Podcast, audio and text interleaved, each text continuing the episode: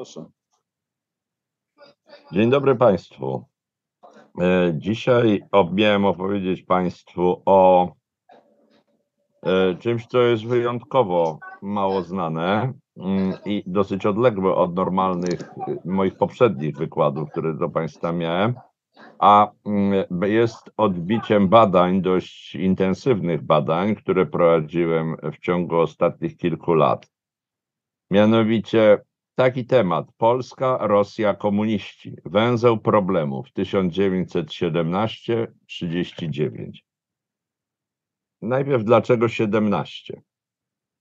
To jakby jest oczywiste. W 17 roku nastąpiła rewolucja w Rosji, rewolucja październikowa. Do władzy doszedł Lenin i partia bolszewików.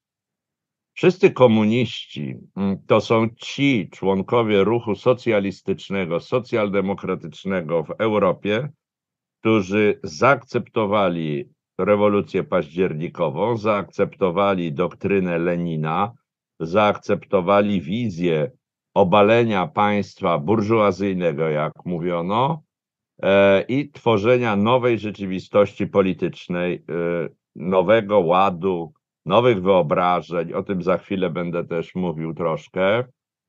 E, I odróżnili się od wszystkich innych y, socjalistów, socjaldemokratów, marksistów, którzy działali w oparciu o system pluralistyczny, zachodni, parlamentarny e, y, i akceptowali pluralizm, że istnieją partie prawicowe, lewicowe, i tok, że tak powiem, życia politycznego polega na zmaganiu się, prawda, prawicy, lewicy, czyli system parlamentarny.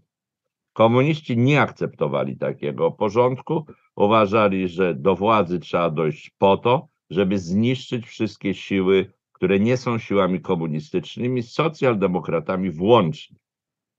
Jedynie komuniści w oparciu o doktrynę dyktatury proletariatu w jej interpretacji Lenina oraz rządy partii bolszewickiej, która ma reprezentować proletariat, mają prawo rządzić, rządząc wyłącznie, monopolistycznie, budują nowe społeczeństwo, nowe państwo, nowy porządek e, etyczny, kulturowy i tak. Tego e, i to było właściwie wspólne wszystkim komunistom. Jeżeli odróżnić chcemy lewicę demokratyczną od komunizmu, no to to jest podstawowa różnica w zasadzie przez cały okres międzywojenny e, i, e, i różnica dosyć wyrazista. E, Skąd ona się brała?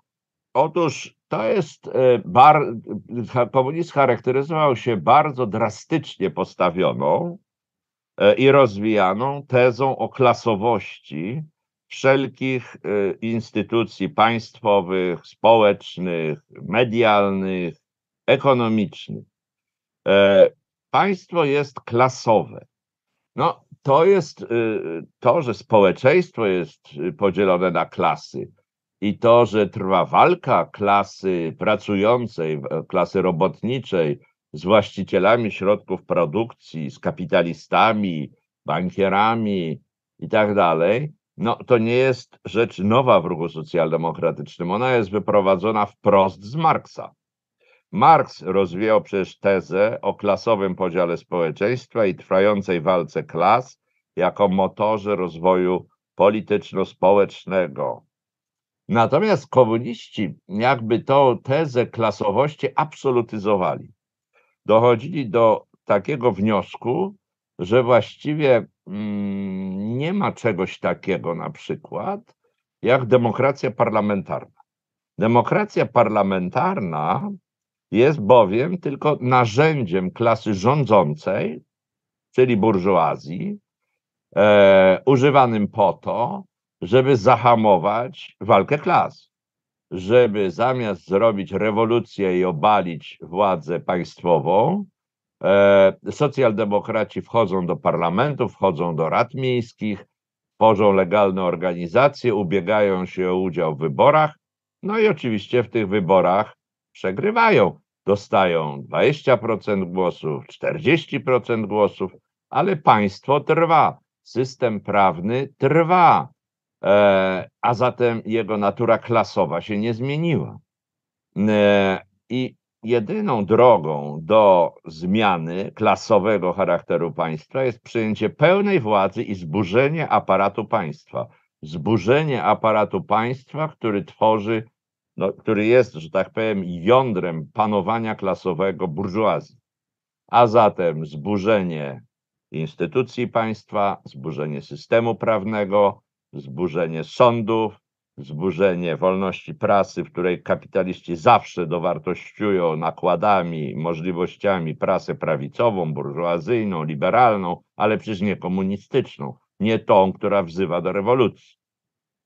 A zatem komuniści mm, odrzucali w ogóle, aliminę można powiedzieć, sens walki w ramach państwa burżuazyjnego, no chyba, że jest to pomyślane jako przygotowywanie sił rewolucyjnych, które ostatecznie obalą to państwo.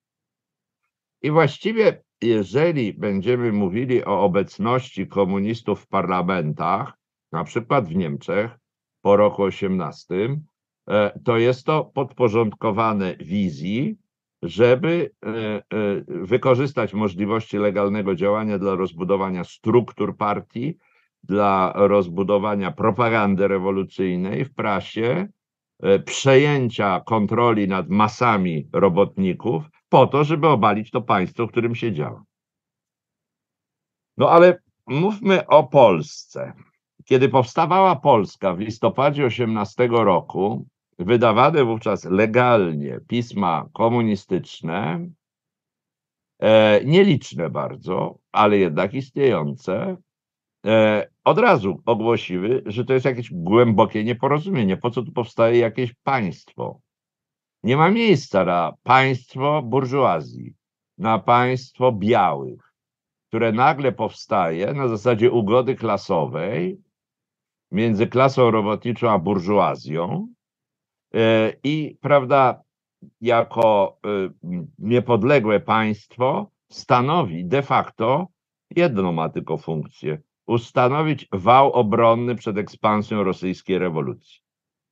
To państwo nie ma racji bytu. Przez samo swoje istnienie jest wrogiem klasowym. Jest państwem, które ma zatrzymać rewolucję, a rewolucja z natury rzeczy ma ogarnąć przez całą Europę.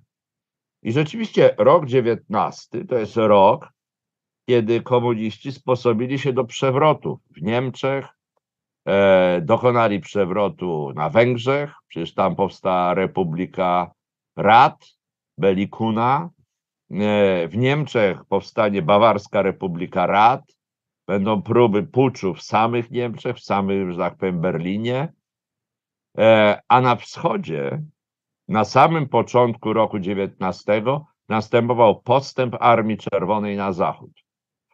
E, w wyniku klęski Niemiec w czasie I wojny światowej wycofania wielkich armii niemieckich ze wschodu, na wschodzie od Polski powstawała próżnia. E, obszar bez wojska. W ten obszar wchodziła Armia Czerwona, ludowa, pospolite ruszenie, można by powiedzieć takie, no ale jednak dowodzone przez e, bolszewickich dowódców, przez Trockiego.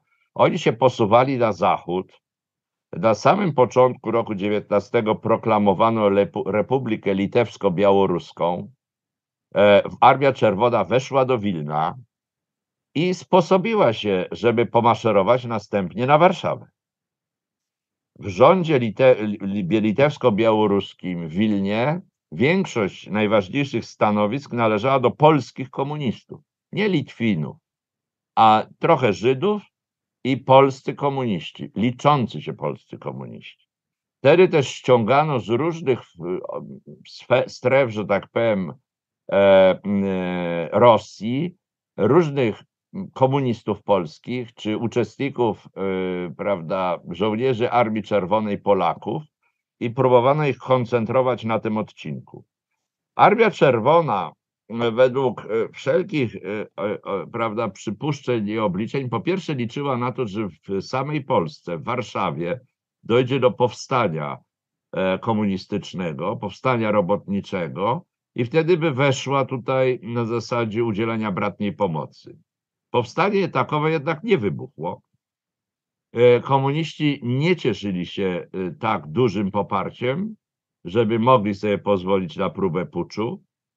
E, idea państwa polskiego była popularna w masach i co więcej, była popularna w masach robotniczych.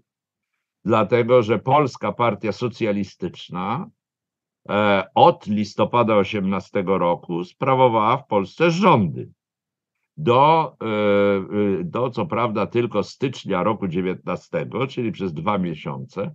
Niemniej w tym czasie, w ciągu tych dwóch miesięcy, rząd Jędrzeja Moraczyckiego, socjalisty, oraz Józef Piłsudski, były lider Polskiej Partii Socjalistycznej, przeprowadzili zasadnicze zmiany e, ustrojowe, znaczy wprowadzili zasadnicze zmiany ustrojowe wraz z tworzeniem państwa, które realizowały tak zwane minimum programu socjalistycznego. O czym my mówimy? Pięcioprzymiotnikowe wybory do parlamentu, ośmiogodzinny dzień pracy, prawo do strajku, prawo do zrzeszeń wszelkich robotniczych, ochrona pracy kobiet, e, ubezpieczenia społeczne, początek ubezpieczeń społecznych. To był, że tak powiem, to, co dzisiaj nam się wydaje oczywiste, a i no oczywiście równouprawnienie kobiet. To, co nam się dzisiaj wydaje oczywiste jako element y, normalnego życia, wówczas nie było oczywiste. Były to mm, e, akty wprowadzone, no, można powiedzieć, wbrew e, stanowisku konserwatystów, nacjonalistów, środowisk burżuazyjnych, E, i miały one bardzo wyraźny charakter lewicowy. Wcześniej były elementem podstawowym propagandy partii lewicowej. W tym sensie wprowadzenie tych wszystkich zmian u progu niepodległości w zasadzie odbierało komunistom tlen. To znaczy oni nie bardzo mieli jak agitować w środowiskach e, klasy robotniczej. A trzeba dodać, że w tym czasie, ten rok 19, to jest ogromne poruszenie klasy robotniczej. Powstają rady delegatów robotniczych. One, one tworzą, że tak powiem, takie, mm, no, takie małe sejmy w obrębie, że tak powiem, poszczególnych miast, zwłaszcza w Warszawie, w Zagłębiu Dąbrowskim. E, są liczne strajki, demonstracje. Te idee, prawda, przejęcia władzy przez robotników, są bardzo silne, bardzo żywe e, i, e, i siłą rzeczy destrukcyjne wobec państwa. Natomiast wprowadzenie tych zmian ustrojowych, y, które są związane, że tak powiem, z egzystencją właśnie powstającego państwa, no jakby wpływa na osłabienie tej fali rewolucyjnej. I ona powolutku będzie gasła. E, w zasadzie trzeba powiedzieć, że ona w zasadzie wygaśnie gdzieś latem roku 19. E, między innymi dzięki poprawie sytuacji ekonomicznej kraju, która na początku była wręcz tragiczna. Był głód, brak pracy, nieuruchomione fabryki. Bardzo dramatyczne są te pierwsze miesiące egzystencji państwa. I na tym, prawda, te nadzieje komunistów bazowały że nie uda się ustabilizować y, życia państwa, życia klasy robotniczej, życia robotników, że oni będą musieli uderzyć, żeby, że tak powiem, zdruzgotać ten powstający aparat. No i te nadzieje się na szczęście dla państwa polskiego i jego dalszej egzystencji nie potwierdziły. No dalsza historia jest jakby znana prawda, była wojna polsko-radziecka, zapoczątkowana uderzeniem Piłsudskiego na Wilno, jak pamiętamy, w roku 19, kwietniu 19 roku na Wielkanoc. Zajęcie Wilna oznaczało nie tylko rozpoczęcie działań wojennych na wschodzie według planu Piłsudskiego odbudowy e, e, państwa litewsko-białoruskiego ale też oznaczało odepchnięcie Armii Czerwonej z jej głównego wówczas kierunku, y, w którym przygotowywała właśnie to uderzenie na Warszawę. I mm, ta ekipa komunistyczna została odrzucona aż do Mińska Białoruskiego. No i toczyła się wojna. Tej wojny oczywiście omawiać teraz nie będę, natomiast chcę podkreślić jej sens i y, dla komunistów. Dla komunistów polskich zarówno w Warszawie, jak i znajdujących się w Rosji, e, ta wojna była rodzajem interwencji białych. interwencji białych, czyli wrogów rewolucji, którzy chcą odepchnąć rewolucji od Zachodu, od możliwości ekspansji marszu na Zachód, chcą ocalić białe państwo polskie. E, no i tym samym cała ta wojna ma charakter kontrrewolucyjny, klasowy, jednoznaczny. A zatem komuniści będą popierać nie Polskę białą, tylko Armię Czerwoną, Związek Sowiecki, pierwszą ojczyznę zwycięskiego proletariatu. Taka będzie logika tych podziałów. Taka będzie logika podziałów i zachowań komunistów polskich w Rosji, którzy, przypominam, prawda, i będą tworzyli pułki czerwone złożone z Polaków w ramach Armii Czerwonej i będą wydawać prasę po polsku ukazującą się w Rosji i będą tworzyć komórki e, komunistycznej partii w ramach struktur partii sowieckiej, partii bolszewickiej. No i w końcu w 20 roku, kiedy Armia Czerwona będzie szła na Warszawę, utworzą w Białymstoku Tymczasowy Komitet Rewolucyjny Polski, czyli rząd dla Polski z Marchlewskim i Dzierżyńskim na czele. E, ta, ta, ta e, polityka, jeśli tak można powiedzieć, to przepraszam, to zidentyfikowanie się z bolszewikami przeciwko państwu polskiemu mm, jest, ma swoje odbicie oczywiście również w samej Polsce. Partia komunistyczna, jako partia wspierająca Rosję, z którą jesteśmy w wojnie, znalazła się w sytuacji działania nielegalnego nielegalnego. Pierwsze właściwie takie poważne uderzenia policyjne w ruch komunistyczny nastąpią latem, a zwłaszcza jesienią roku 19, kiedy zostaną aresztowani y, niektórzy jej przywódcy. E, no i później to już będzie y, stan trwały.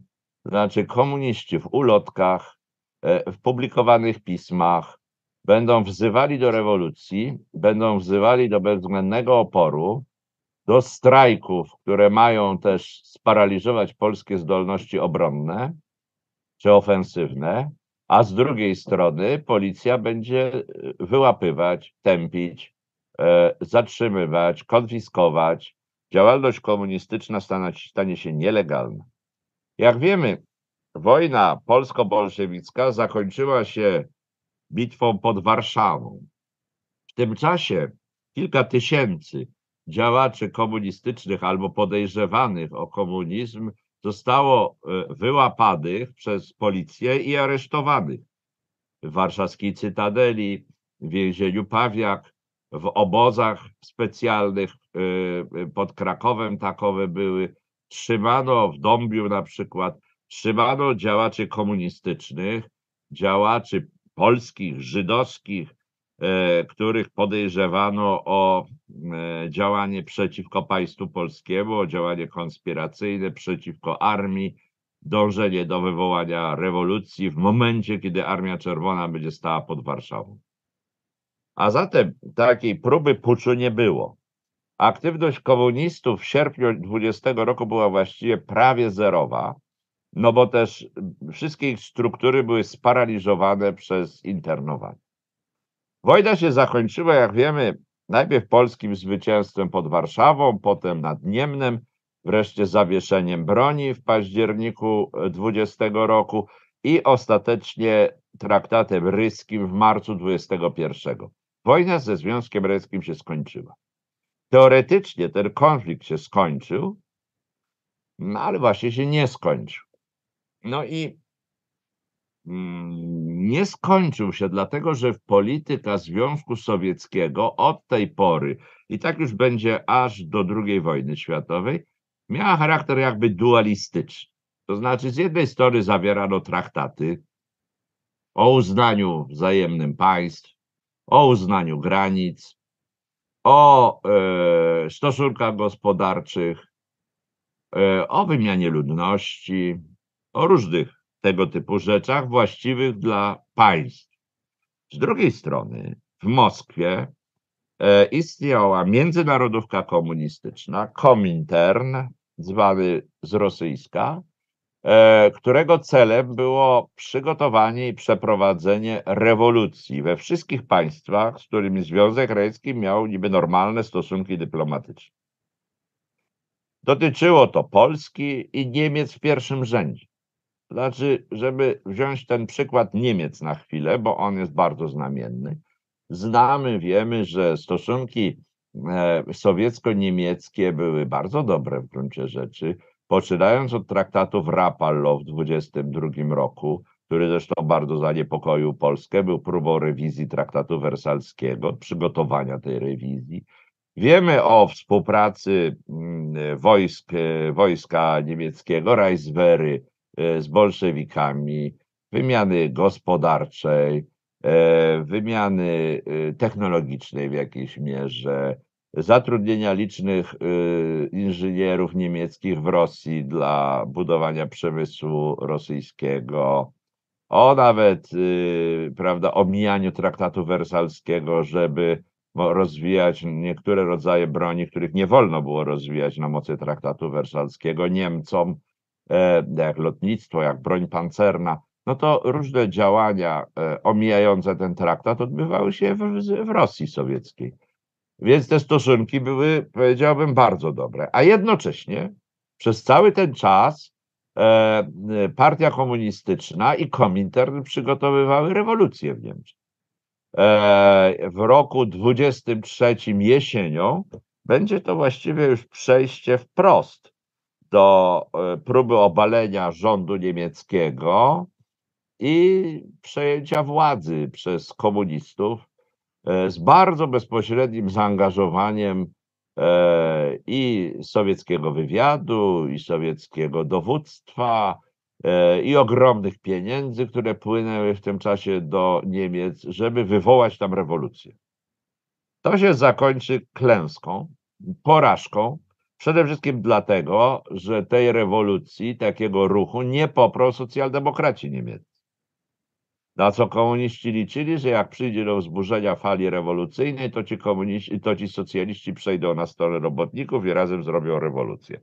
Ten element okazał się błędny i socjaliści nie poparli, no a zatem komuniści zostali sami. Nie mieli aż takiej siły, żeby dokonać próby obalenia rządów y, burżuazyjnych w Niemczech. Ale próbowali. Polska w ramach tego, tych nadziei, tego, mm, tego planu no, była właśnie taką przegrodą, która uniemożliwiała połączenie się rewolucji rosyjskiej z rewolucją niemiecką. Celem właściwie komunistów w Polsce było zatem przygotowanie rewolucji i najlepiej jej przeprowadzenie w tym momencie, kiedy wybuchnie rewolucja w Niemczech, żeby zburzyć ten wał obronny e, burżuazji światowej, jak ich oni mówili, i polskiej przed rewolucją komunistyczną. Taktyka partii komunistycznej w zasadzie sprowadzała się do rozważań, jak tą sytuację wyreżyserować, przygotować, e, przeprowadzić działania, które by umożliwiły skoncentrowanie i rozwijanie ruchu rewolucyjnego, który w stosownym momencie uderzy i obali to państwo polskie. E, no i teraz skończyłem ten wątek o komunistach e, w obozach internowania latem 20 roku i trzeba powiedzieć, że po zakończeniu działań wojennych w zasadzie państwo polskie zwolniło wszystkich internowanych. Wszyscy internowani, łącznie ze znanymi komunistami, zostali wypuszczeni z obozów, znaleźli się na wolności, Chyba, że była taka możliwość, y, będą optowali na to, żeby być wymienionym do Związku Radzieckiego. Taka największa wymiana odbędzie się y, ostatecznie w roku 23.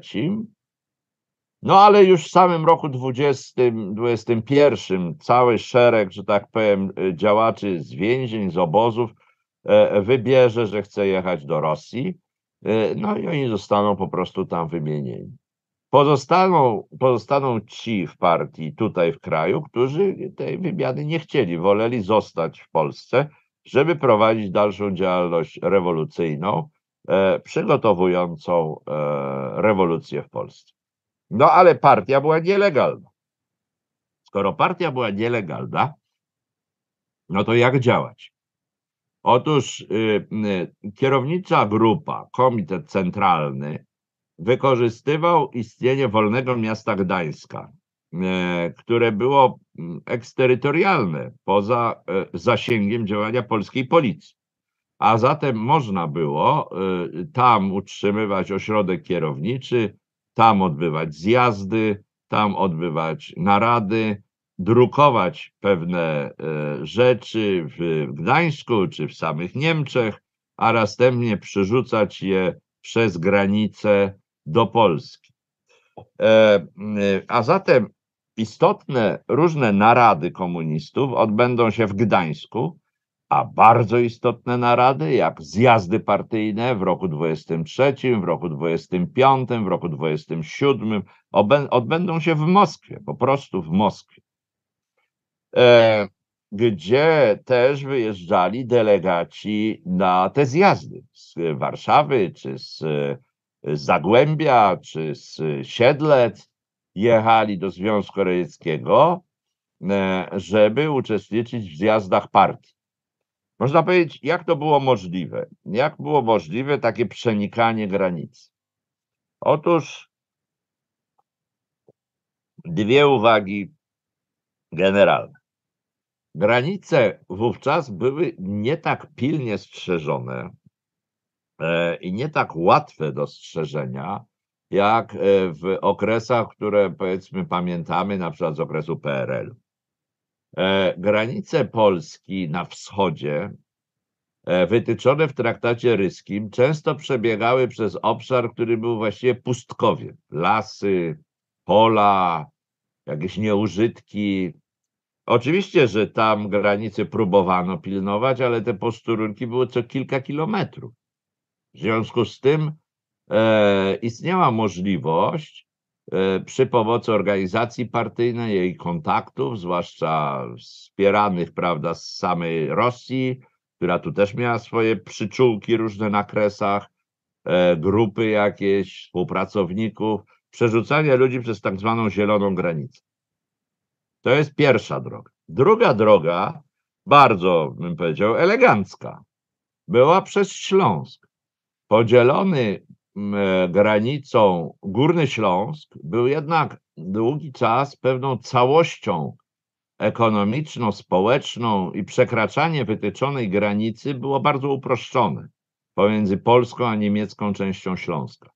W związku z tym y, ci komuniści bardzo często jechali po prostu normalnie z Warszawy do Katowic pociągiem, a następnie w Katowicach przy pomocy łącznika miejscowego przekraczali tą granicę gdzieś pomiędzy budynkami, gdzieś polem jakimś, no i już byli w Niemczech, a skoro partia komunistyczna w Niemczech działa całkowicie legalnie, no to już mogli znowu wsiąść w pociąg, pojechać do Berlina, tam otrzymać, że tak powiem, stosowne dokumenty, zwykle fałszywe, na przekraczanie granicy, po czym pojechać sobie na przykład okrętem z, e, no, z, z jakiegoś portu niemieckiego do, e, do Związku Radzieckiego, przez Litwę, przez Łotwę, różnie to robią. E, także ta komunikacja istniała. Poprzez Śląsk też była przemycana duża ilość bibuły komunistycznej, drukowanej na terenie Niemczech. No a poza tym partia zakładała tajne drukarnie w Polsce. Tajne drukarnie w Polsce, y, które umożliwiały druk komunistycznej bibuły. No dobrze, można zatem powiedzieć, o jakiej skali zjawiska my właściwie mówimy. Jeżeli mówimy o komunistach w okresie międzywojennym, myślę o latach dwudziestych, to mówimy właściwie o paru tysiącach ludzi. Parę tysięcy osób było bezpośrednio zaangażowanych w e, działania partii, też oczywiście w różnym stopniu.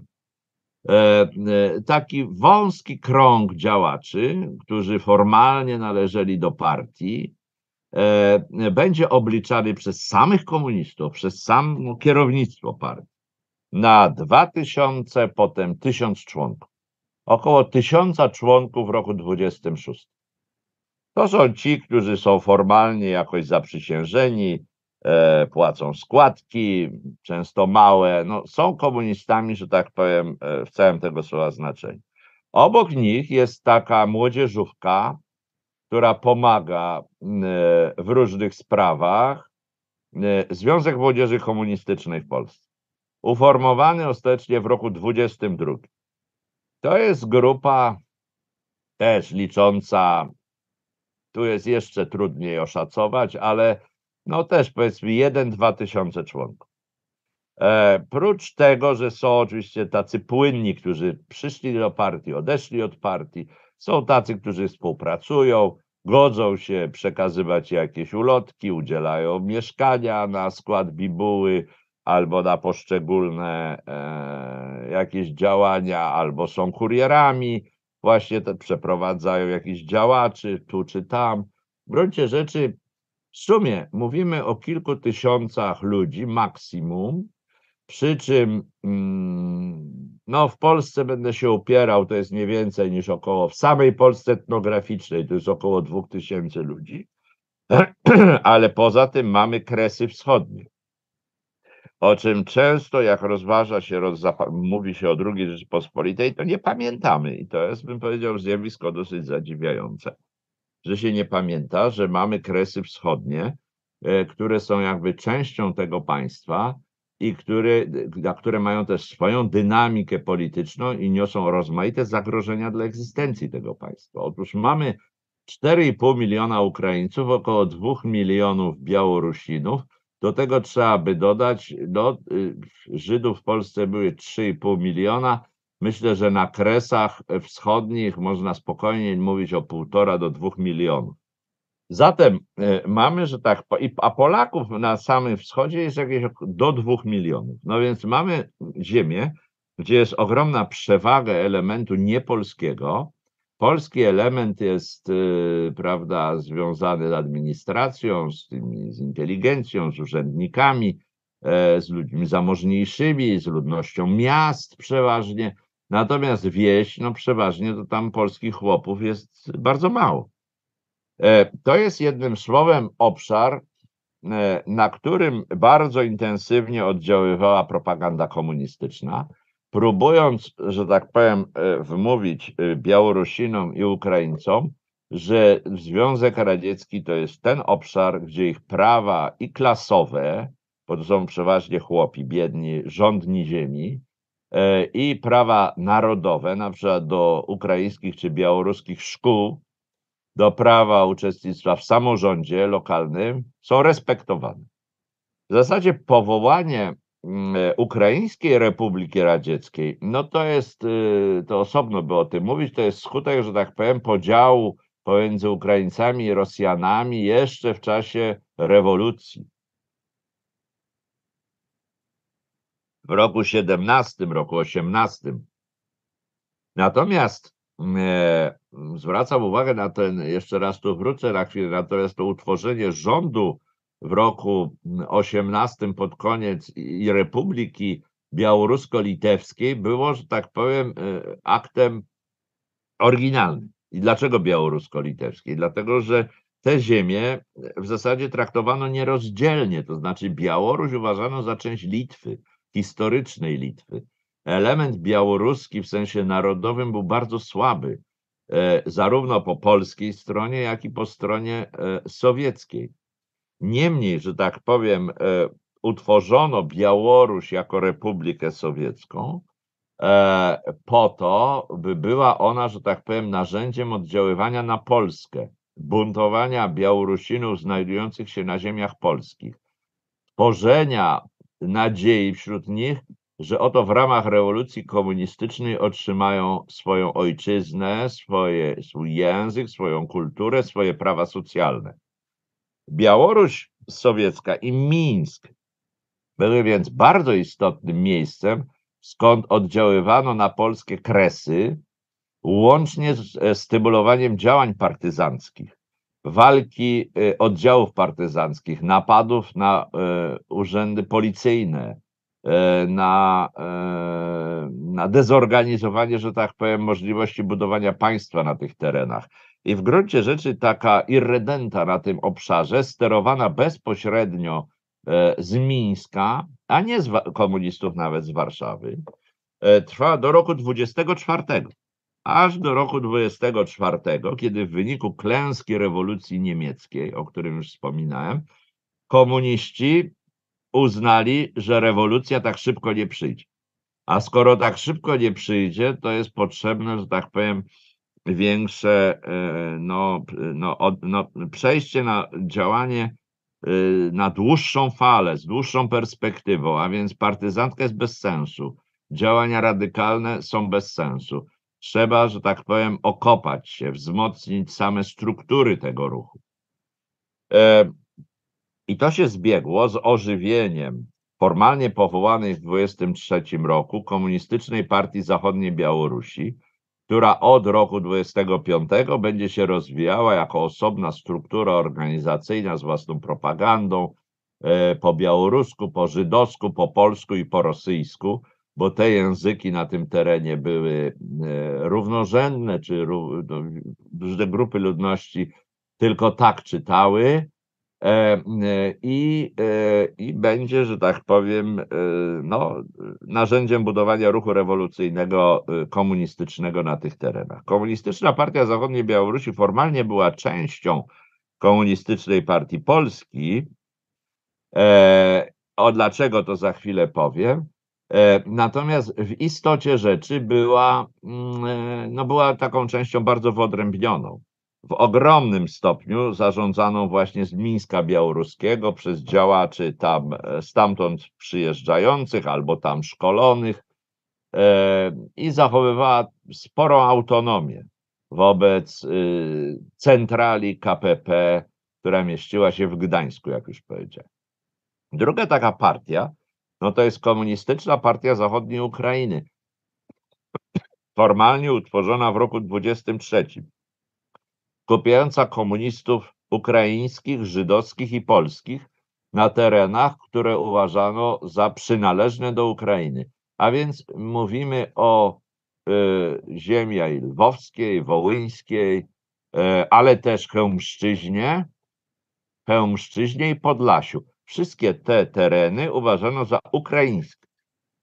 A zatem na tym terenie działa Komunistyczna Partia Zachodniej Ukrainy, też formalnie należąca do e, Komunistycznej Partii Polski, ale bardzo autonomiczna. Z tym, że trochę inaczej autonomiczna niż Komunistyczna Partia Zachodniej Białorusi, dlatego że autonomiczna w ten oto sposób, że wpływy władz sowieckich, ukraińskich władz sowieckich krzyżowały się w tej partii z komunizmem rodzimym ukraińskim. E, który powstał nawet niekoniecznie w Związku Radzieckim, był częścią ruchu komunistycznego formującego się w oparciu o, e, o ideę skrajnej lewicy na Zachodzie, e, o ruch narodowy ukraiński w jego najbardziej radykalnej wersji. No i oni właściwie, ci powiedzmy ultra radykałowie, komuniści, ale narodowi komuniści zdominowali tę partię właściwie od samego początku.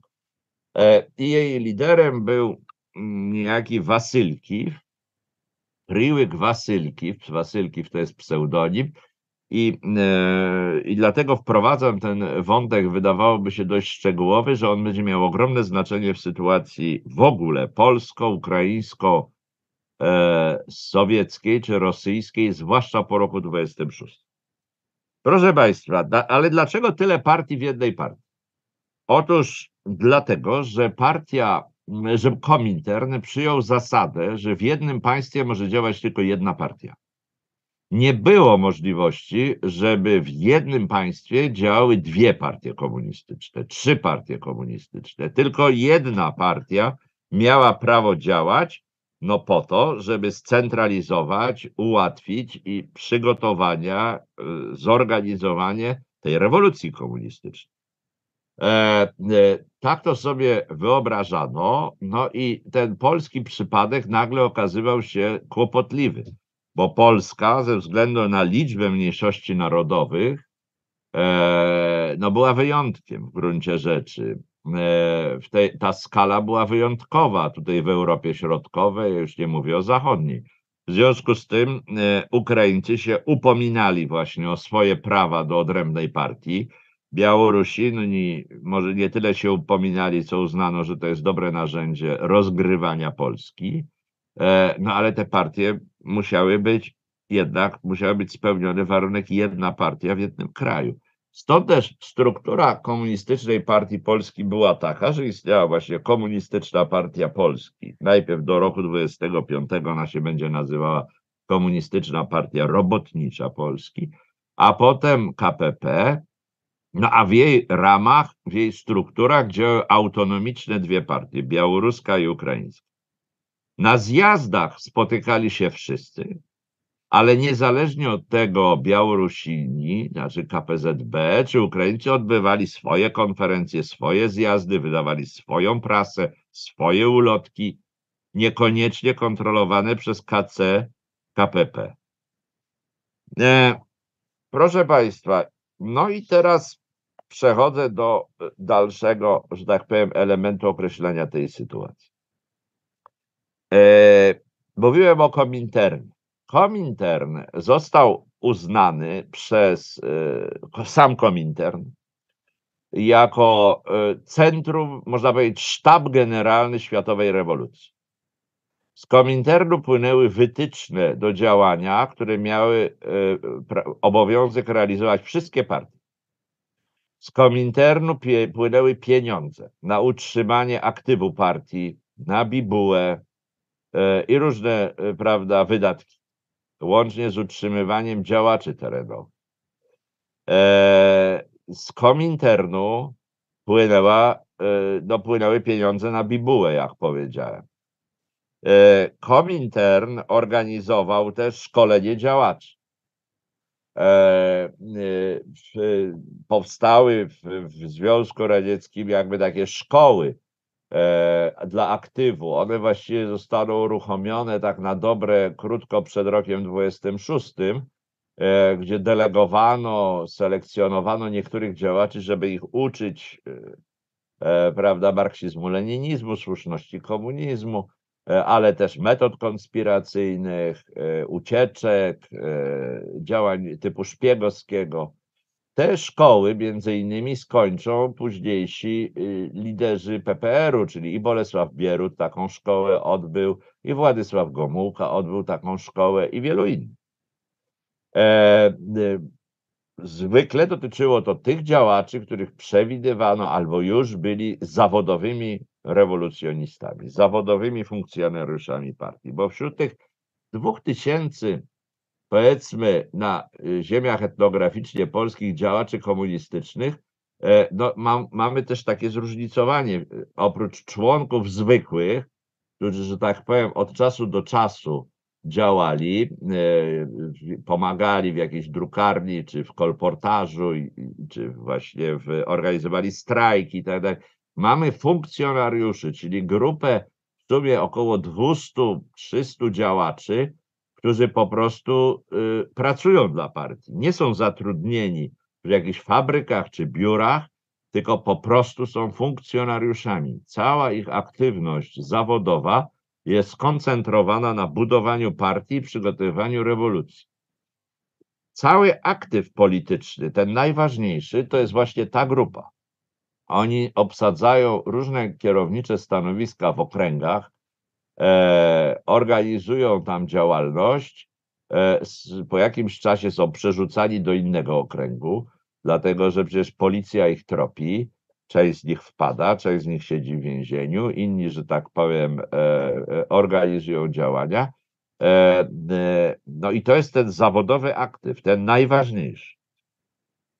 Ten zawodowy aktyw partyjny dominuje też oczywiście na konferencjach i zjazdach, i w zasadzie to on określa wszystkie główne linie zaangażowania. Z nimi się komunikuje Komintern, ich właśnie utrzymuje, e, e, dając im pensję. E, no i oni są tą kadrą rewolucyjną niewątpliwie.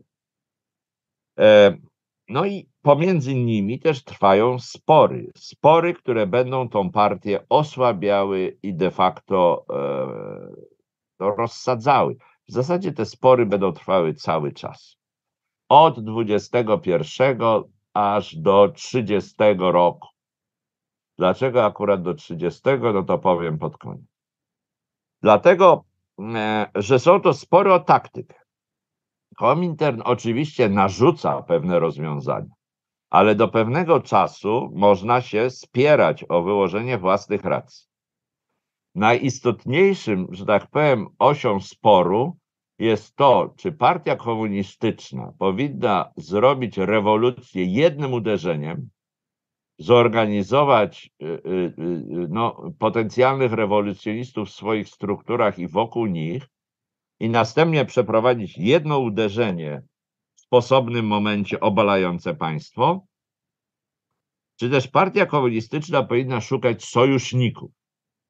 Sojuszników wśród socjalistów, lewicowych socjalistów, wśród żydowskich socjalistów, wśród inteligencji radykalnej, rozczarowanej do różnych braków tego państwa, eksponować nie tyle samą rewolucję, co e, potrzebę głębokich zmian, szerokich wystąpień, e, wymierzonych, że tak powiem, e, w no, na przykład panoszenie się kapitału, ograniczenie E, walkę o ograniczenie długości dnia pracy, o naruszanie 8-godzinnego dnia pracy, o, e, o lepsze wypłaty i tak dalej. Czy to jest potrzebne? Budowanie takiego szerokiego ruchu z różnymi niepewnymi sojusznikami, czy należy zrezygnować z tych sojuszników, po prostu liczyć, że sytuacja sama się rozwinie do rewolucji. Ten spór pomiędzy tymi dwoma frakcjami e, w zasadzie będzie trwał jak powiedziałem, przez cały ten czas do roku 30. E, tych e, szukających sojuszników, e, myślących o potrzebie oddziaływania na chłopów na przykład, przez lansowanie programu radykalnej reformy rolnej, przez szukanie, prawda, rozczarowanych socjalistów, a może, że tak powiem, uwodzenie i samych socjalistów, samej partii socjalistycznej w akcjach masowych. Tą linię reprezentował Adolf Warski, Maria Koszucka. No, za dużo nazwisk nie będę wymieniał, ale przynajmniej te dwie osoby, one niewątpliwie były liderami. Henryk Lauer-Brandt, jeszcze taki Jakub Dutlinger. Oni też uważali za pożyteczne, żeby mimo, że parlament polski jest burżuazyjny, jak już powiedziałem na początku, i, i rewolucji przecież nie zrobi się przez parlament, to można wykorzystać parlament jako trybunę rewolucyjną. Można wykorzystać parlament dla rozpowszechnienia idei komunistycznych, e, nie tylko w samym parlamencie, ale też przez mowy parlamentarne, które może uda się na przykład opublikować legalnie i tak dalej. Takie myślenie miała też właśnie ta grupa.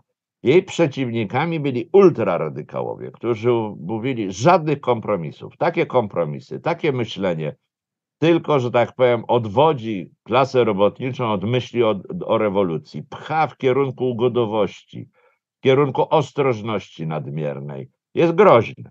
Jest groźne i osłabia ducha rewolucyjnego. Nie należy tego robić, nie należy wchodzić do parlamentu, nie należy wchodzić w sojusze z, z socjal zdrajcami, jak nazywano PPS. Nie należy, że tak powiem, mamić robotników, że podwyżka drobna czy, y, czy coś takiego y, poprawi ich sytuację. Jednoznacznie trzeba walczyć o perspektywę rewolucji. No więc ci ultraradykałowie mieli różnych liderów. Najważniejszym z nich byli niejaki Władysław Grzech Kowalski, który został dosyć szybko wyeliminowany, kiedy przegrał kolejny spór właśnie z Warskim, to już w 22 roku w zasadzie został wyeliminowany z kierownictwa partii. Potem długo takim liderem był e, e, Henryk Stein-Domski, niewątpliwie wybitny inteligent, niewątpliwie mocno związany z ruchem niemieckim, E, paradoksalnie właśnie mniej taki bolszewik sowiecki, on właściwie w Rosji mało był do, do połowy lat dwudziestych, Głównie działał w Berlinie, głównie tam były jego, że tak powiem, źródła intelektualne. On był też takim ultrarewolucjonistą i ci ultrarewolucj ci ultra rewolucjoniści chętnie zamierzali stymulować różne działania, no właśnie takie ultraradykalne, łącznie z terrorem. Łącznie z terrorem. Ich zwycięstwo nastąpiło w roku 24. W 24 grupa Warski-Koszucka została potępiona przez Komintern. Potępiona przez Komintern z y, dwóch właściwie powodów. Po pierwsze, dosyć nieopatrznie wdali się oni w komentowanie sporu pomiędzy Stalinem a Trockim, apelując o to, żeby się pogodzili i żeby, że tak powiem, Trockiego nie eliminować z elity bolszewickiej, to Stalin uznał za akt wrogi, bo właśnie przecież chciał zniszczyć Trockiego, a nie się z nim układać. Po drugie, skompromitowali się ci przywódcy, bo kiedy w listopadzie roku 23 dojdzie w Krakowie do wystąpień robotniczych przeciwko rządowi, przeciwko wojsku, e, no padną trupy, prawda? To jest e, początek listopada 23 roku. E, organizatorem protestu nie będzie nikt. To będzie spontaniczny wybuch e, miejscowych robotników na próby uniemożliwienia przez rząd Witosa zgromadzeń robotniczych, demonstracji robotniczych i postawienie policji na drodze, e, na drodze demonstracji robotniczej. To się wszystko przerodzi w krwawe zamieszki, które zgaszą socjaliści, doprowadzą do wygaszenia takiej ulicznej batalii, e, opanują tą sytuację, no ale dla komunistów to jest klapa. To znaczy, że najbardziej radykalne od, y, od zakończenia wojny wystąpienie robotników zgasło po paru godzinach, a komuniści nie zdążyli nic tam zrobić. To zostało odczytane przez Moskwę jako dowód kompletnej nieudolności i właśnie ugrzęźnięcia w jakichś koncepcjach y, porozumienia z socjalistami, którzy patrząc z punktu widzenia Moskwy okazali się zdrajcami zamiast podniecić tych robotników, żeby ruszyli na województwo i dalej walczyli, postawili barykady i tak dalej, to socjaliści doprowadzili do wygaszenia tego protestu i przeniesienia go na płaszczyznę parlamentu. Z punktu widzenia przybliżania rewolucji, no to była katastrofa po prostu. E, to była klęska. E, a zbiegła się oczywiście też z klęską rewolucji niemieckiej. Stalin wyciągnął konsekwencje wobec liderów partii i niemieckiej, i polskiej. Zostali zatem Warski i Koszucka potępieni na piątym kongresie Kominternu i wyeliminowani z kierownictwa partii decyzją Kominternu. Został narzucony partii komunistycznej nowe kierownictwo decyzją Kominternu. W gruncie rzeczy to narzucenie nowego kierownictwa decyzją Kominterno było pierwszym tak radykalnym posunięciem, gdzie już nie sama partia wybiera sobie kierownictwo, nawet takie skrajne, tylko po prostu siła zewnętrzna, de facto rosyjscy bolszewicy, określa, kto wejdzie do tego kierownictwa.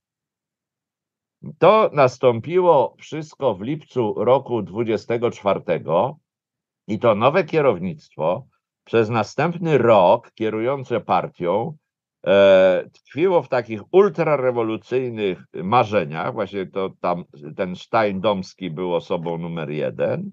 Osobą numer dwa był Julian Leński-Leszczyński, który bardzo krótko funkcjonował, bo przyjechał po tym piątym zjeździe e, Kominternu do Polski i został aresztowany prawie zaraz parę tygodni tylko był w Polsce, został aresztowany, siedział przez rok, e, no a w końcu mu się udało uciec z tego więzienia, wrócił do Sowietów i więcej już nigdy w Polsce nie był.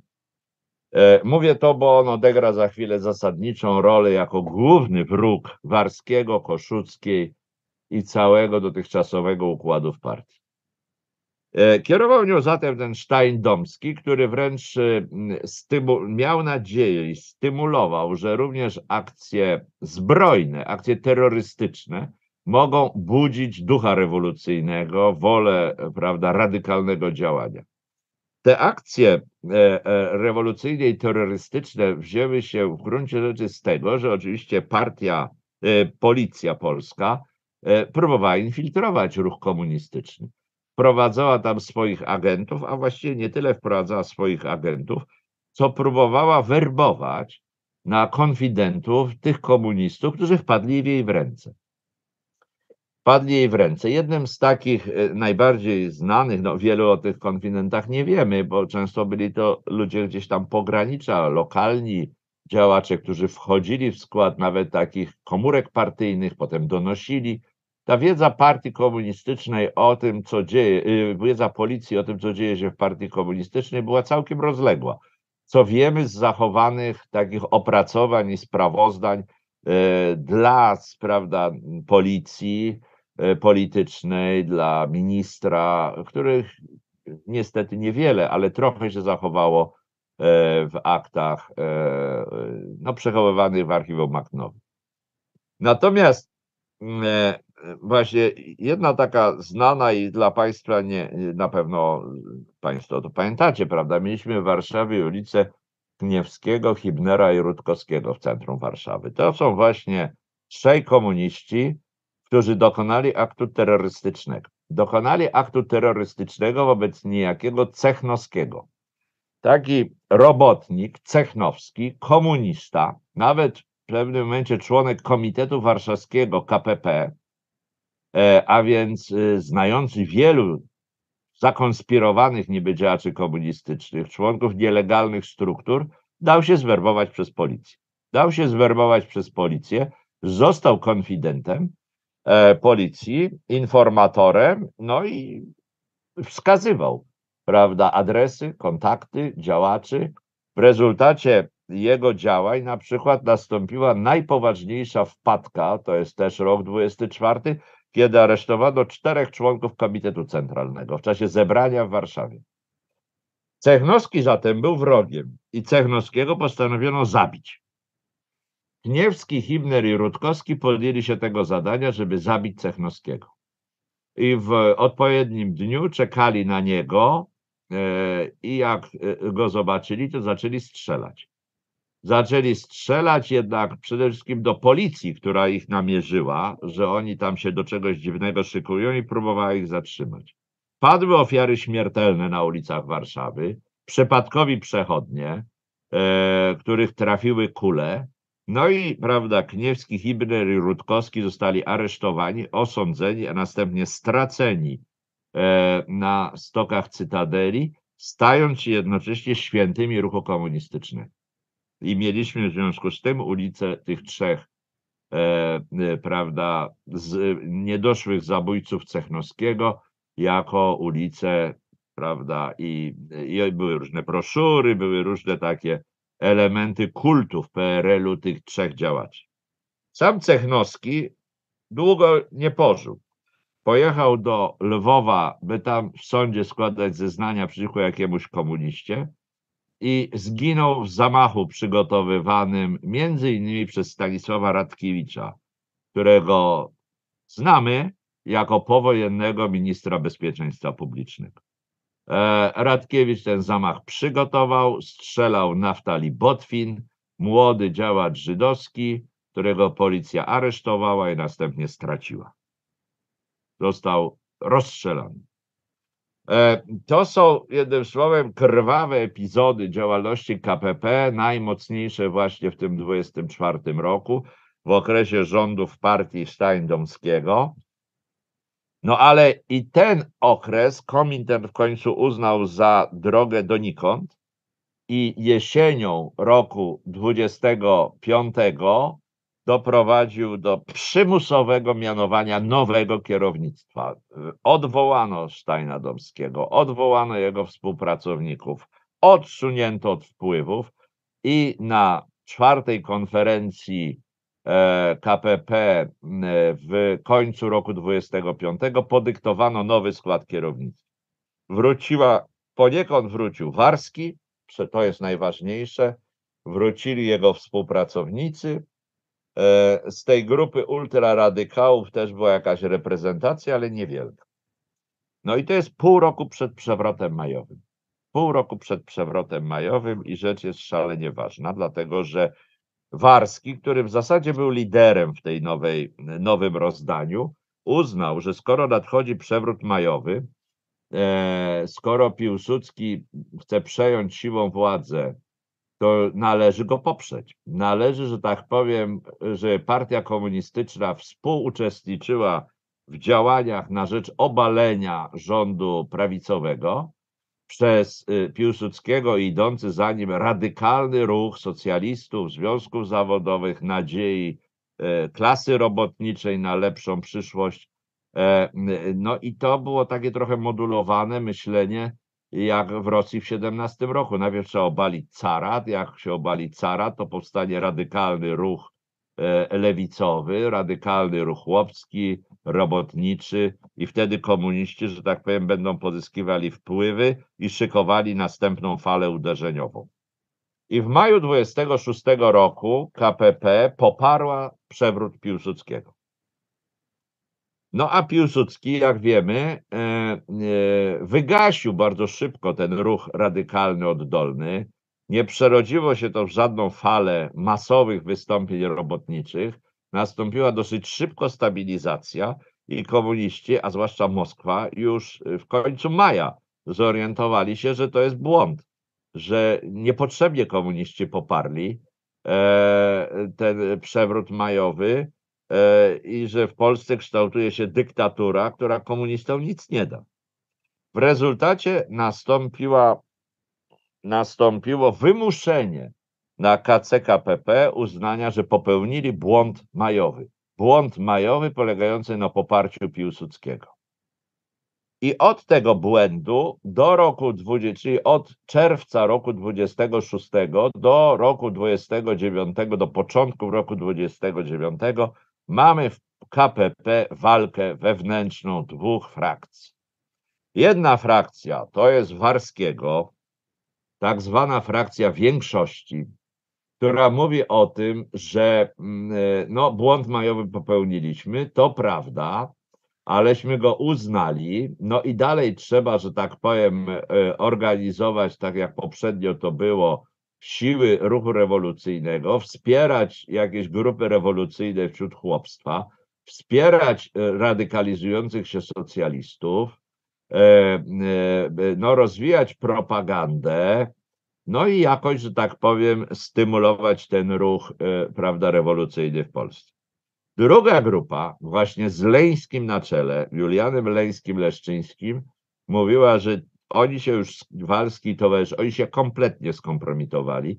Cała ich polityka polega na wleczeniu się w ogonie PPS, w ogonie, że tak powiem, e, e, e, e, e no, zdrajców klasy robotniczej, którzy do żadnej rewolucji nie zmierzają, że jednym słowem trzeba oczyścić partię z oportunistów i e, powinni prawdziwi rewolucjoniści stanąć na jej czele, czyli właśnie Leński, no i paru innych.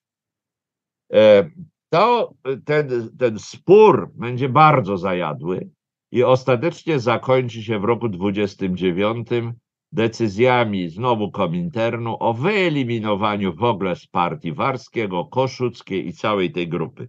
Oni zostaną całkowicie odcięci od partii, właśnie nie będą mieli prawa działać w partii. Leński i jego grupa staną się jedynym uznanym kierownictwem, a właśnie Warski, Koszucka i tak dalej zostaną uznani za odpowiednik trockizmu. To oczywiście nie była prawda, ale był to bardzo poręczny zarzut, dlatego że w partii sowieckiej w roku 27, 28 do właśnie 28 się to skończyło, trwała zażarta walka pomiędzy Stalinem a Trockim polegająca na tym, żeby wyeliminować Trockiego jako konkurenta do władzy i wszystkich ludzi, którzy za nim szli, wszystkich działaczy bolszewickich, którzy za tym szli. W tym momencie formowała się grupa Stalina w kierownictwie partii sowieckiej, e, ludzi, którzy całkowicie byli podlegli Stalinowi i nie mieli żadnych własnych aspiracji. No i jak wiemy, to będzie później e, charakterystyczny kształt dla państwa sowieckiego. Leński był bardzo ściśle powiązany z ludźmi w Moskwie, którzy właśnie tworzyli część grupy Stalina. i był niewątpliwie człowiekiem realizującym politykę Stalina, także personalną na terenie KPP. I proszę Państwa, chociaż jestem w połowie tego wykładu, niby, bo czas jeszcze przed nami długi teoretycznie, jeśli chodzi o ilość zdarzeń, no to zbliżamy się jednak w sumie do końca. Dlatego, że, że e, historia po roku 26 jest coraz uboższa e, tej partii. Dlaczego? Oczywiście ona nadal pozostaje nielegalna, ona nadal pozostaje infiltrowana przez polską policję, o czym jeszcze będę musiał za chwilę powiedzieć. Natomiast y, to, co jest charakterystyczne, ona przyjmuje za narzuconym, że tak powiem, przez Moskwę poglądem tezę, że przewrót majowy Piłsudskiego w 26 roku odbył się po to, że międzynarodowy imperializm, przede wszystkim brytyjski, przygotowuje nową wojnę ze Związkiem Radzieckim. Piłsudski e, został jednym słowem podpuszczony, byśmy powiedzieli, przekonany do dokonania przewrotu majowego po to, żeby przygotować Polskę na nową wojnę ze Związkiem Radzieckim. E, w tym celu i tak zaczęto postrzegać całą sytuację międzynarodową przez następne lata i w tym celu, że tak powiem, też przesterowywano partię e, ku zwiększeniu działalności dywersyjnej w wojsku, agitacji żołnierzy, przygotowywania ruchu w Polsce, który miałby na zapleczu e, rozsadzić ewentualnie, czy blokować polską obronę czy polski e, atak na Związek Radziecki, to uznano za cechę podstawową całej sytuacji politycznej tego czasu. Czyli, jak mówiono, faszystowski rząd Piłsudskiego i partie też faszystowskie, jak PPS czy Stronnictwa Ludowe, wszystko to są faszyści. Dlaczego to są faszyści? bo oni tam się niby pozornie kłócą między sobą o demokrację, o parlament, to wszystko nie ma znaczenia. To są pozorowane ruchy. Wszystkie są antyradzieckie. Wszystkie są wrogie komunizmowi. Wszystkie są wrogie Związkowi Radzieckiemu. Wszystkie uczestniczą w przygotowaniu międzynarodowego imperializmu z Anglią, potem Ameryka jeszcze może dochodzić na czele do interwencji w Związku Radzieckim. Taktyka sowiecka zatem, taktyka radziecka musi być obronna, przygotowanie się na uderzenie ze strony Polski imperializmu. No i tu, że tak powiem, w związku z tym przedefiniowano sytuację tego, czym są komuniści ukraińscy zwłaszcza. Komuniści ukraińscy, którzy, jak powiedziałem, pod wodzą Wasylkiwa byli radykalnym ruchem narodowym e, ukraińskich komunistów. Oni byli Ukraińcami i komunistami zarazem. Można powiedzieć, to było u nich jednoznaczne. Nie, pol, polscy komuniści nie byli patriotami, jak już mówię. E, nie chcieli, że tak powiem, tworzyć jakiegoś państwa e, specjalnie komunistycznego. Nie mieli takich wyobrażeń. Nie, natomiast ukraińscy, właśnie ci Wasylkiwcy, byli zdecydowanymi patriotami ukraińskimi. Mieli też oparcie w, w grupie komunistów ukraińskich na samej Ukrainie, którym y, przewodził Aleksander Szumski, który próbował tworzyć ukraiński ruch, y, ukraińską oświatę, ukraińskie instytucje kultury, żeby się odbudowywała y, komunistyczna, ale ukraińska elita intelektualna i polityczna. W roku 27 Stalin bezwzględnie uderzył w tą grupę. Szumski został odwołany ze stanowisk, wyrzucony z partii. Jego zwolennicy byli eliminowani z kierownictwa partii ukraińskiej, bo jak zakładano, dziś to komuniści, a jutro okaże się, że są petlurowcami i sojusznikami Piłsudskiego w tej wojnie przeciwko. Bo już się raz pokazało, że Petlura szedł z Piłsudskim na Kijów, no to się zaraz powtórzy a zatem wszyscy nacjonaliści ukraińscy są wrogami śmiertelnymi. Trzeba ich zniszczyć. I e, Stalin też doprowadził, wymusił wyeliminowanie z kierownictwa partii e, KPZ-u wszystkich Wasylkiwców. To oznaczało właściwie rozwalenie tej partii. W 27 roku, w 28 roku zostali oni zmuszeni do samokrytyki. Oczywiście ta samokrytyka była za mała. Zostali wyeliminowani wyrzuceni z partii. Partię przyjęli ludzie o, no właśnie za chwilę powiem, jacy przejęli, natomiast sami Wasylkiwcy, e, no gdzie mieli się znaleźć? No ogół niestety znaleźli się w Związku Radzieckim. W 1933 będą aresztowani, wsadzeni do łagrów, a w następnych latach rozstrzelani. Cała ta elita, że tak powiem, komunizmu ukraińskiego, tych Wasylkiwców, zginie jeszcze zanim zacznie się wielka czystka w Związku Sowieckim. Podobnie zresztą potraktowano tych komunistów białoruskich, którzy e, no, uwierzyli w tą wizję białoruskiego komunizmu narodowego i którzy stworzyli w roku 26 partię Chromada, wielką partię ludową, chłopską, ale sterowaną przez komunistów, e, przez KPZU. E, jej liderzy po zdelegalizowaniu tej partii przez y, Piłsudskiego w roku 27, y, y, w roku 27 e, zostali, zostali uwięzieni, odbyli, odbył się ich proces, poszli siedzieć, no ale po jakimś czasie ich zwolniono, po cichu jakoś, no i wyjechali do Związku Radzieckiego. Też w 1933 wszyscy oni zostaną aresztowani, zostaną e, zamknięci, a w następnych latach rozstrzelani. To samo dotyczyło lidera niezależnej partii chłopskiej, czyli też kierowanej przez komunistów partii, która miała być takim przedłużeniem e, komunizmu w środowisku chłopskim. E, wojewódzki mm, wyjechał do Związku Radzieckiego, został aresztowany i stracony w 1933 roku.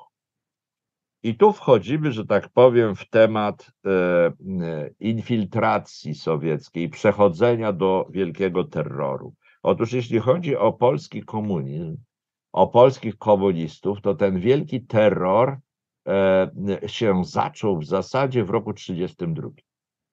Zaczął się w roku 1932, kiedy GPU jeszcze, czyli sowiecka policja, E, wypatrzyła, że tak powiem, na Ukrainie e, pol, pol, polskich komunistów ukraińskich, nie działających w KPP, tylko cały czas działających na Ukrainie, ale jednak Polaków i uznała, że są szpiegami polskimi. Nastąpiło aresztowanie około 100 osób e, z tego aktywu, ale też i działaczy lokalnych, i nauczycieli, i bibliotekarzy, różnych takich, którzy, że tak powiem, działali na Ukrainie sowieckiej. Oni zostali uznani za polskich szpiegów.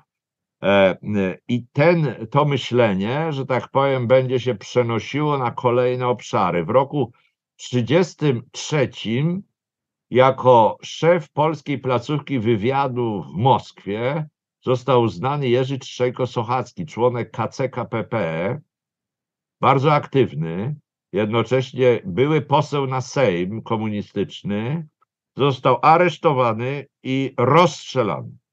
W roku 1934 zostaje pod tym samym zarzutem aresztowany i rozstrzelany inny członek KCKPP i też były poseł na Sejm, Tadeusz Żarski.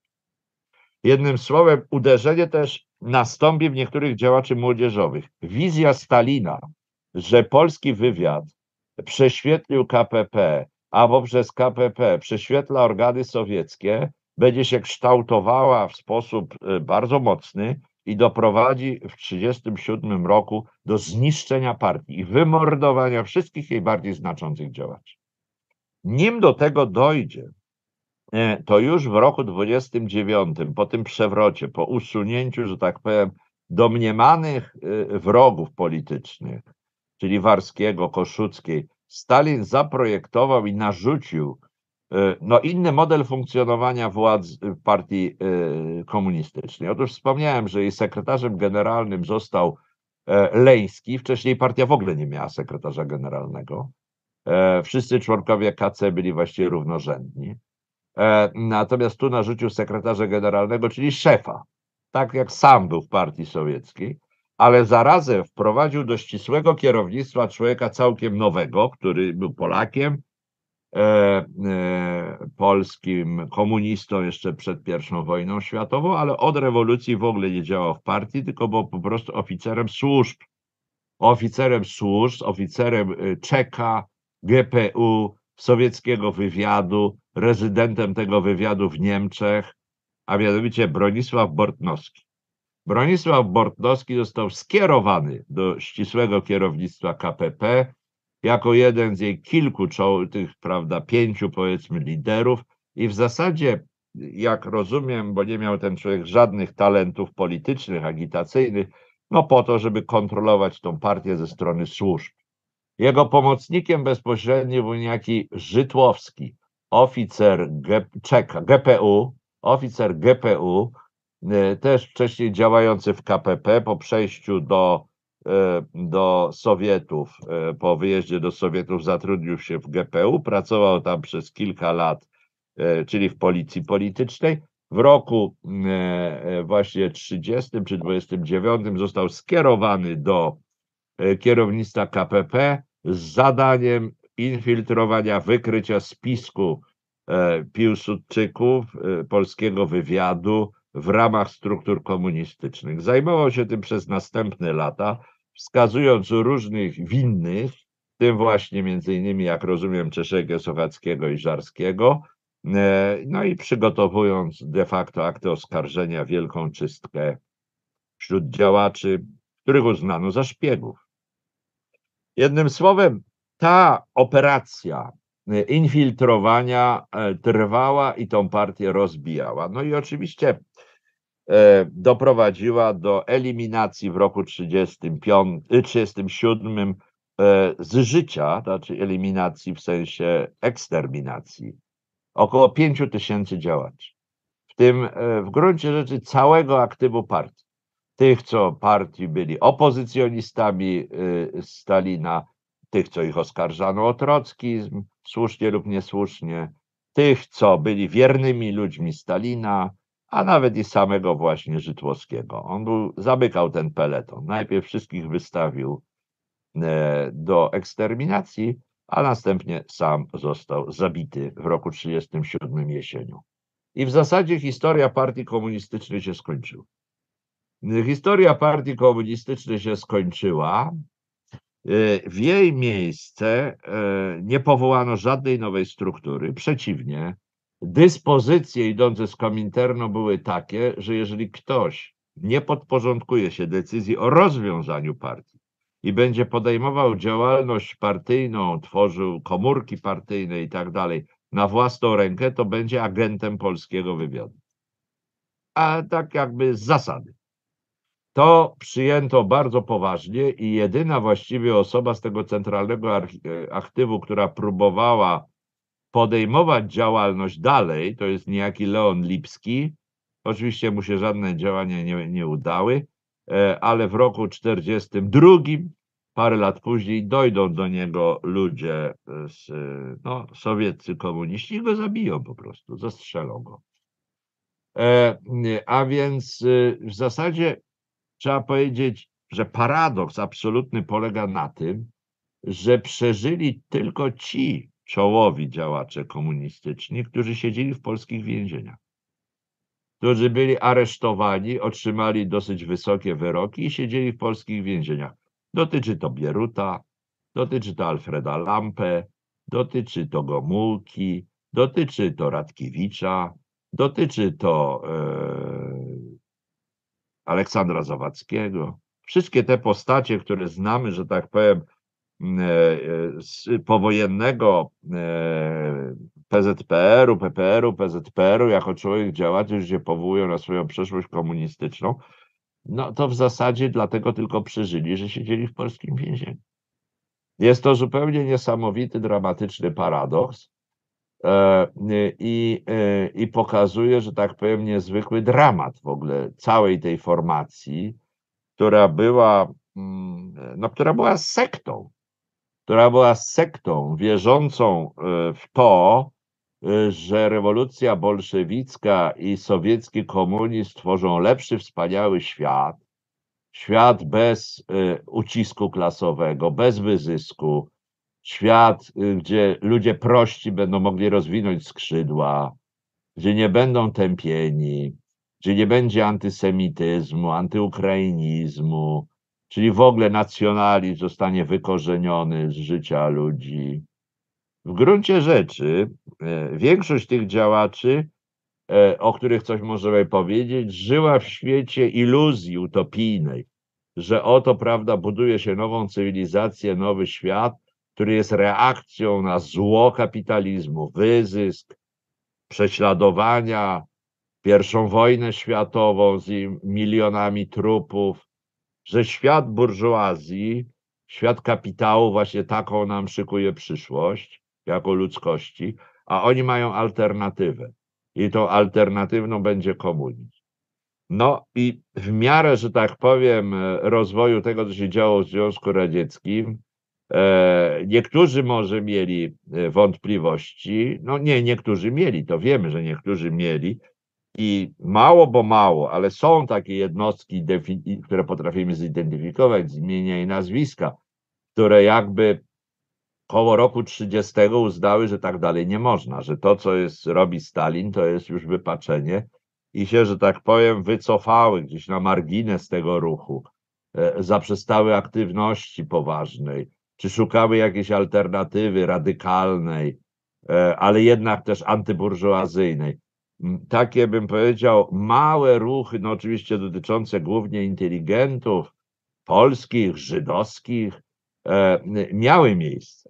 Większość jednak partii, większość jednak ludzi była tak spojona tym, e, tym sekciarstwem, tą nienawiścią do burżuazji, do zła, które ona niesie, że zamykała oczy na te fakty, które świadczyły źle o tym, co się dzieje, no i szła do objęcia śmierci de facto, czyli wielkiej czystki.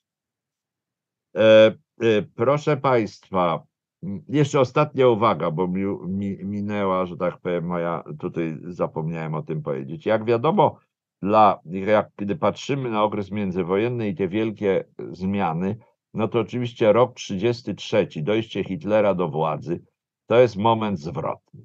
To jest moment zwrotny, właściwie zaczynają się przygotowania do II wojny światowej. Oczywiście jest to moment zwrotny też z punktu widzenia sytuacji w Niemczech i sytuacji komunizmu. Jak wiadomo, Hitler z pierwszych swoich posunięć zdelegalizuje partię komunistyczną, zdelegalizuje też wszystkie inne partie, ustanowi faszystowski, monopartyjny reżim, w którym komuniści nie będą mieli nic do powiedzenia, będą siedzieli w obozach koncentracyjnych. E, a zatem to, że hitleryzm jest zagrożeniem, bo Hitler od razu mówił, że to zrobi, jeszcze jak na fazie, fazie że tak powiem, działalności agitacyjnej. Ja muszę powiedzieć, że wśród tych moich badań, które przeprowadziłem przez ostatnie lata, byłem absolutnie zdumiony, że komuniści w swoich wewnętrznych y, i, i w ulotkach, i wewnętrznej korespondencji, która nie była przeznaczona do druku, która była ściśle tajna, oni w zasadzie w ogóle tego niebezpieczeństwa nie zauważali.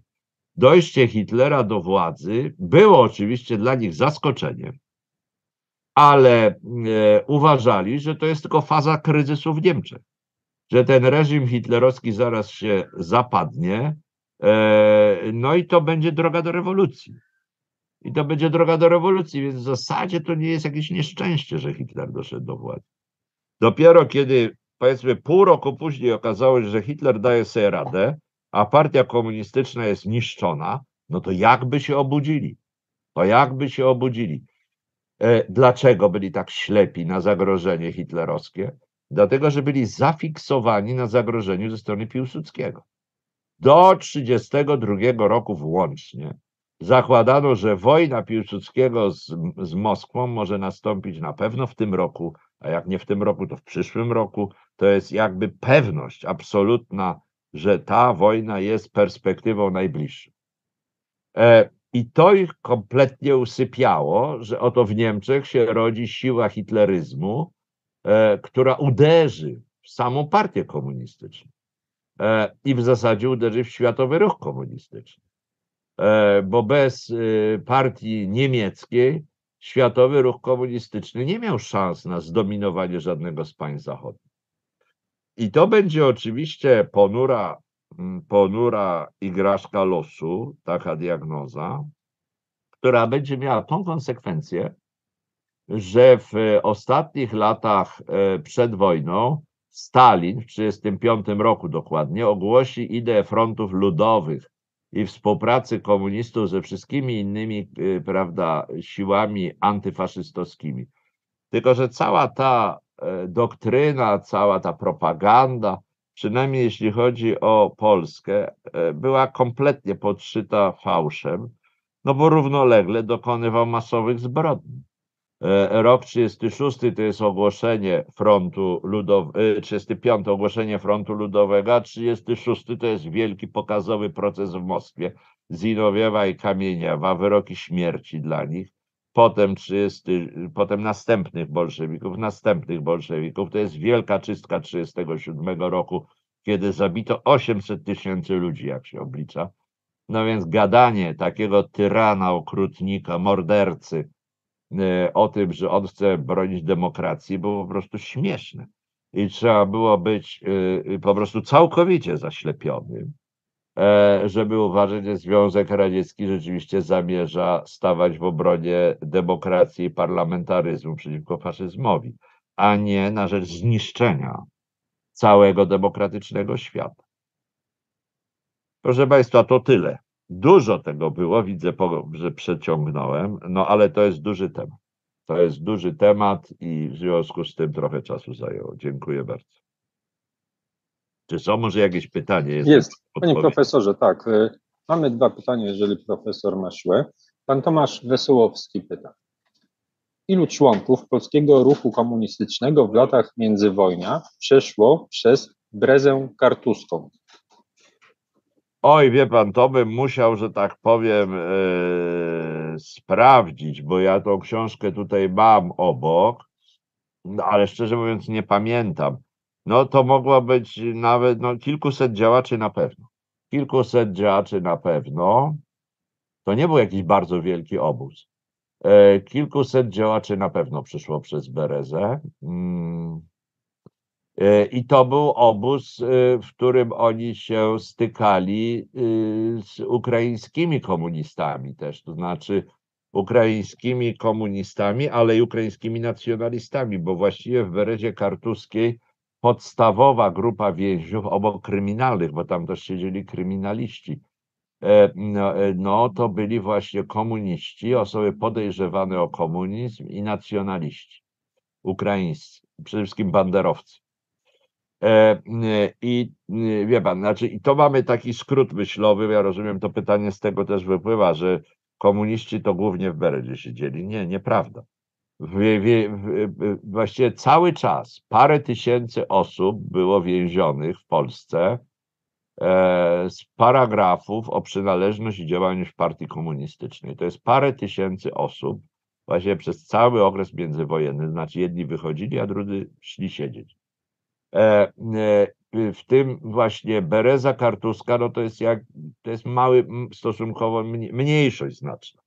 Tam, gdzie policji brakowało dowodów, wiedzieli, wiedziała, że dany człowiek e, działa w partii komunistycznej, miała to najczęściej z informacji agentów, natomiast nie miała dowodów. A sądy jednak przedwojenne musiały mieć dowody, nikogo nie skazały, jeżeli te dowody były słabe, wątpliwe i tak. Bardzo dziękujemy za odpowiedź. Mamy jeszcze jedno pytanie tutaj od pana Konrada Ziembicki. Pyta pan Konrad Ziembicki. Czy komunizm nie był nacjonalizmem, ale klasowym, to jest robotnicy i chłopi jako nowy naród, klasowy nacjonalizm?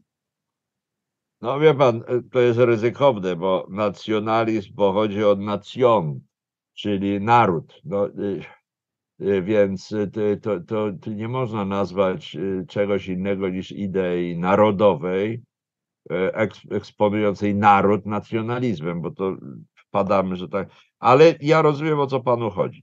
To znaczy o pewną absolutyzację ideologii. Znaczy jakaś grupa albo naród, albo klasa jest dobrem nadrzędnym, któremu wszystko wolno i wokół którego ma się zorganizować całe życie e, ludzi.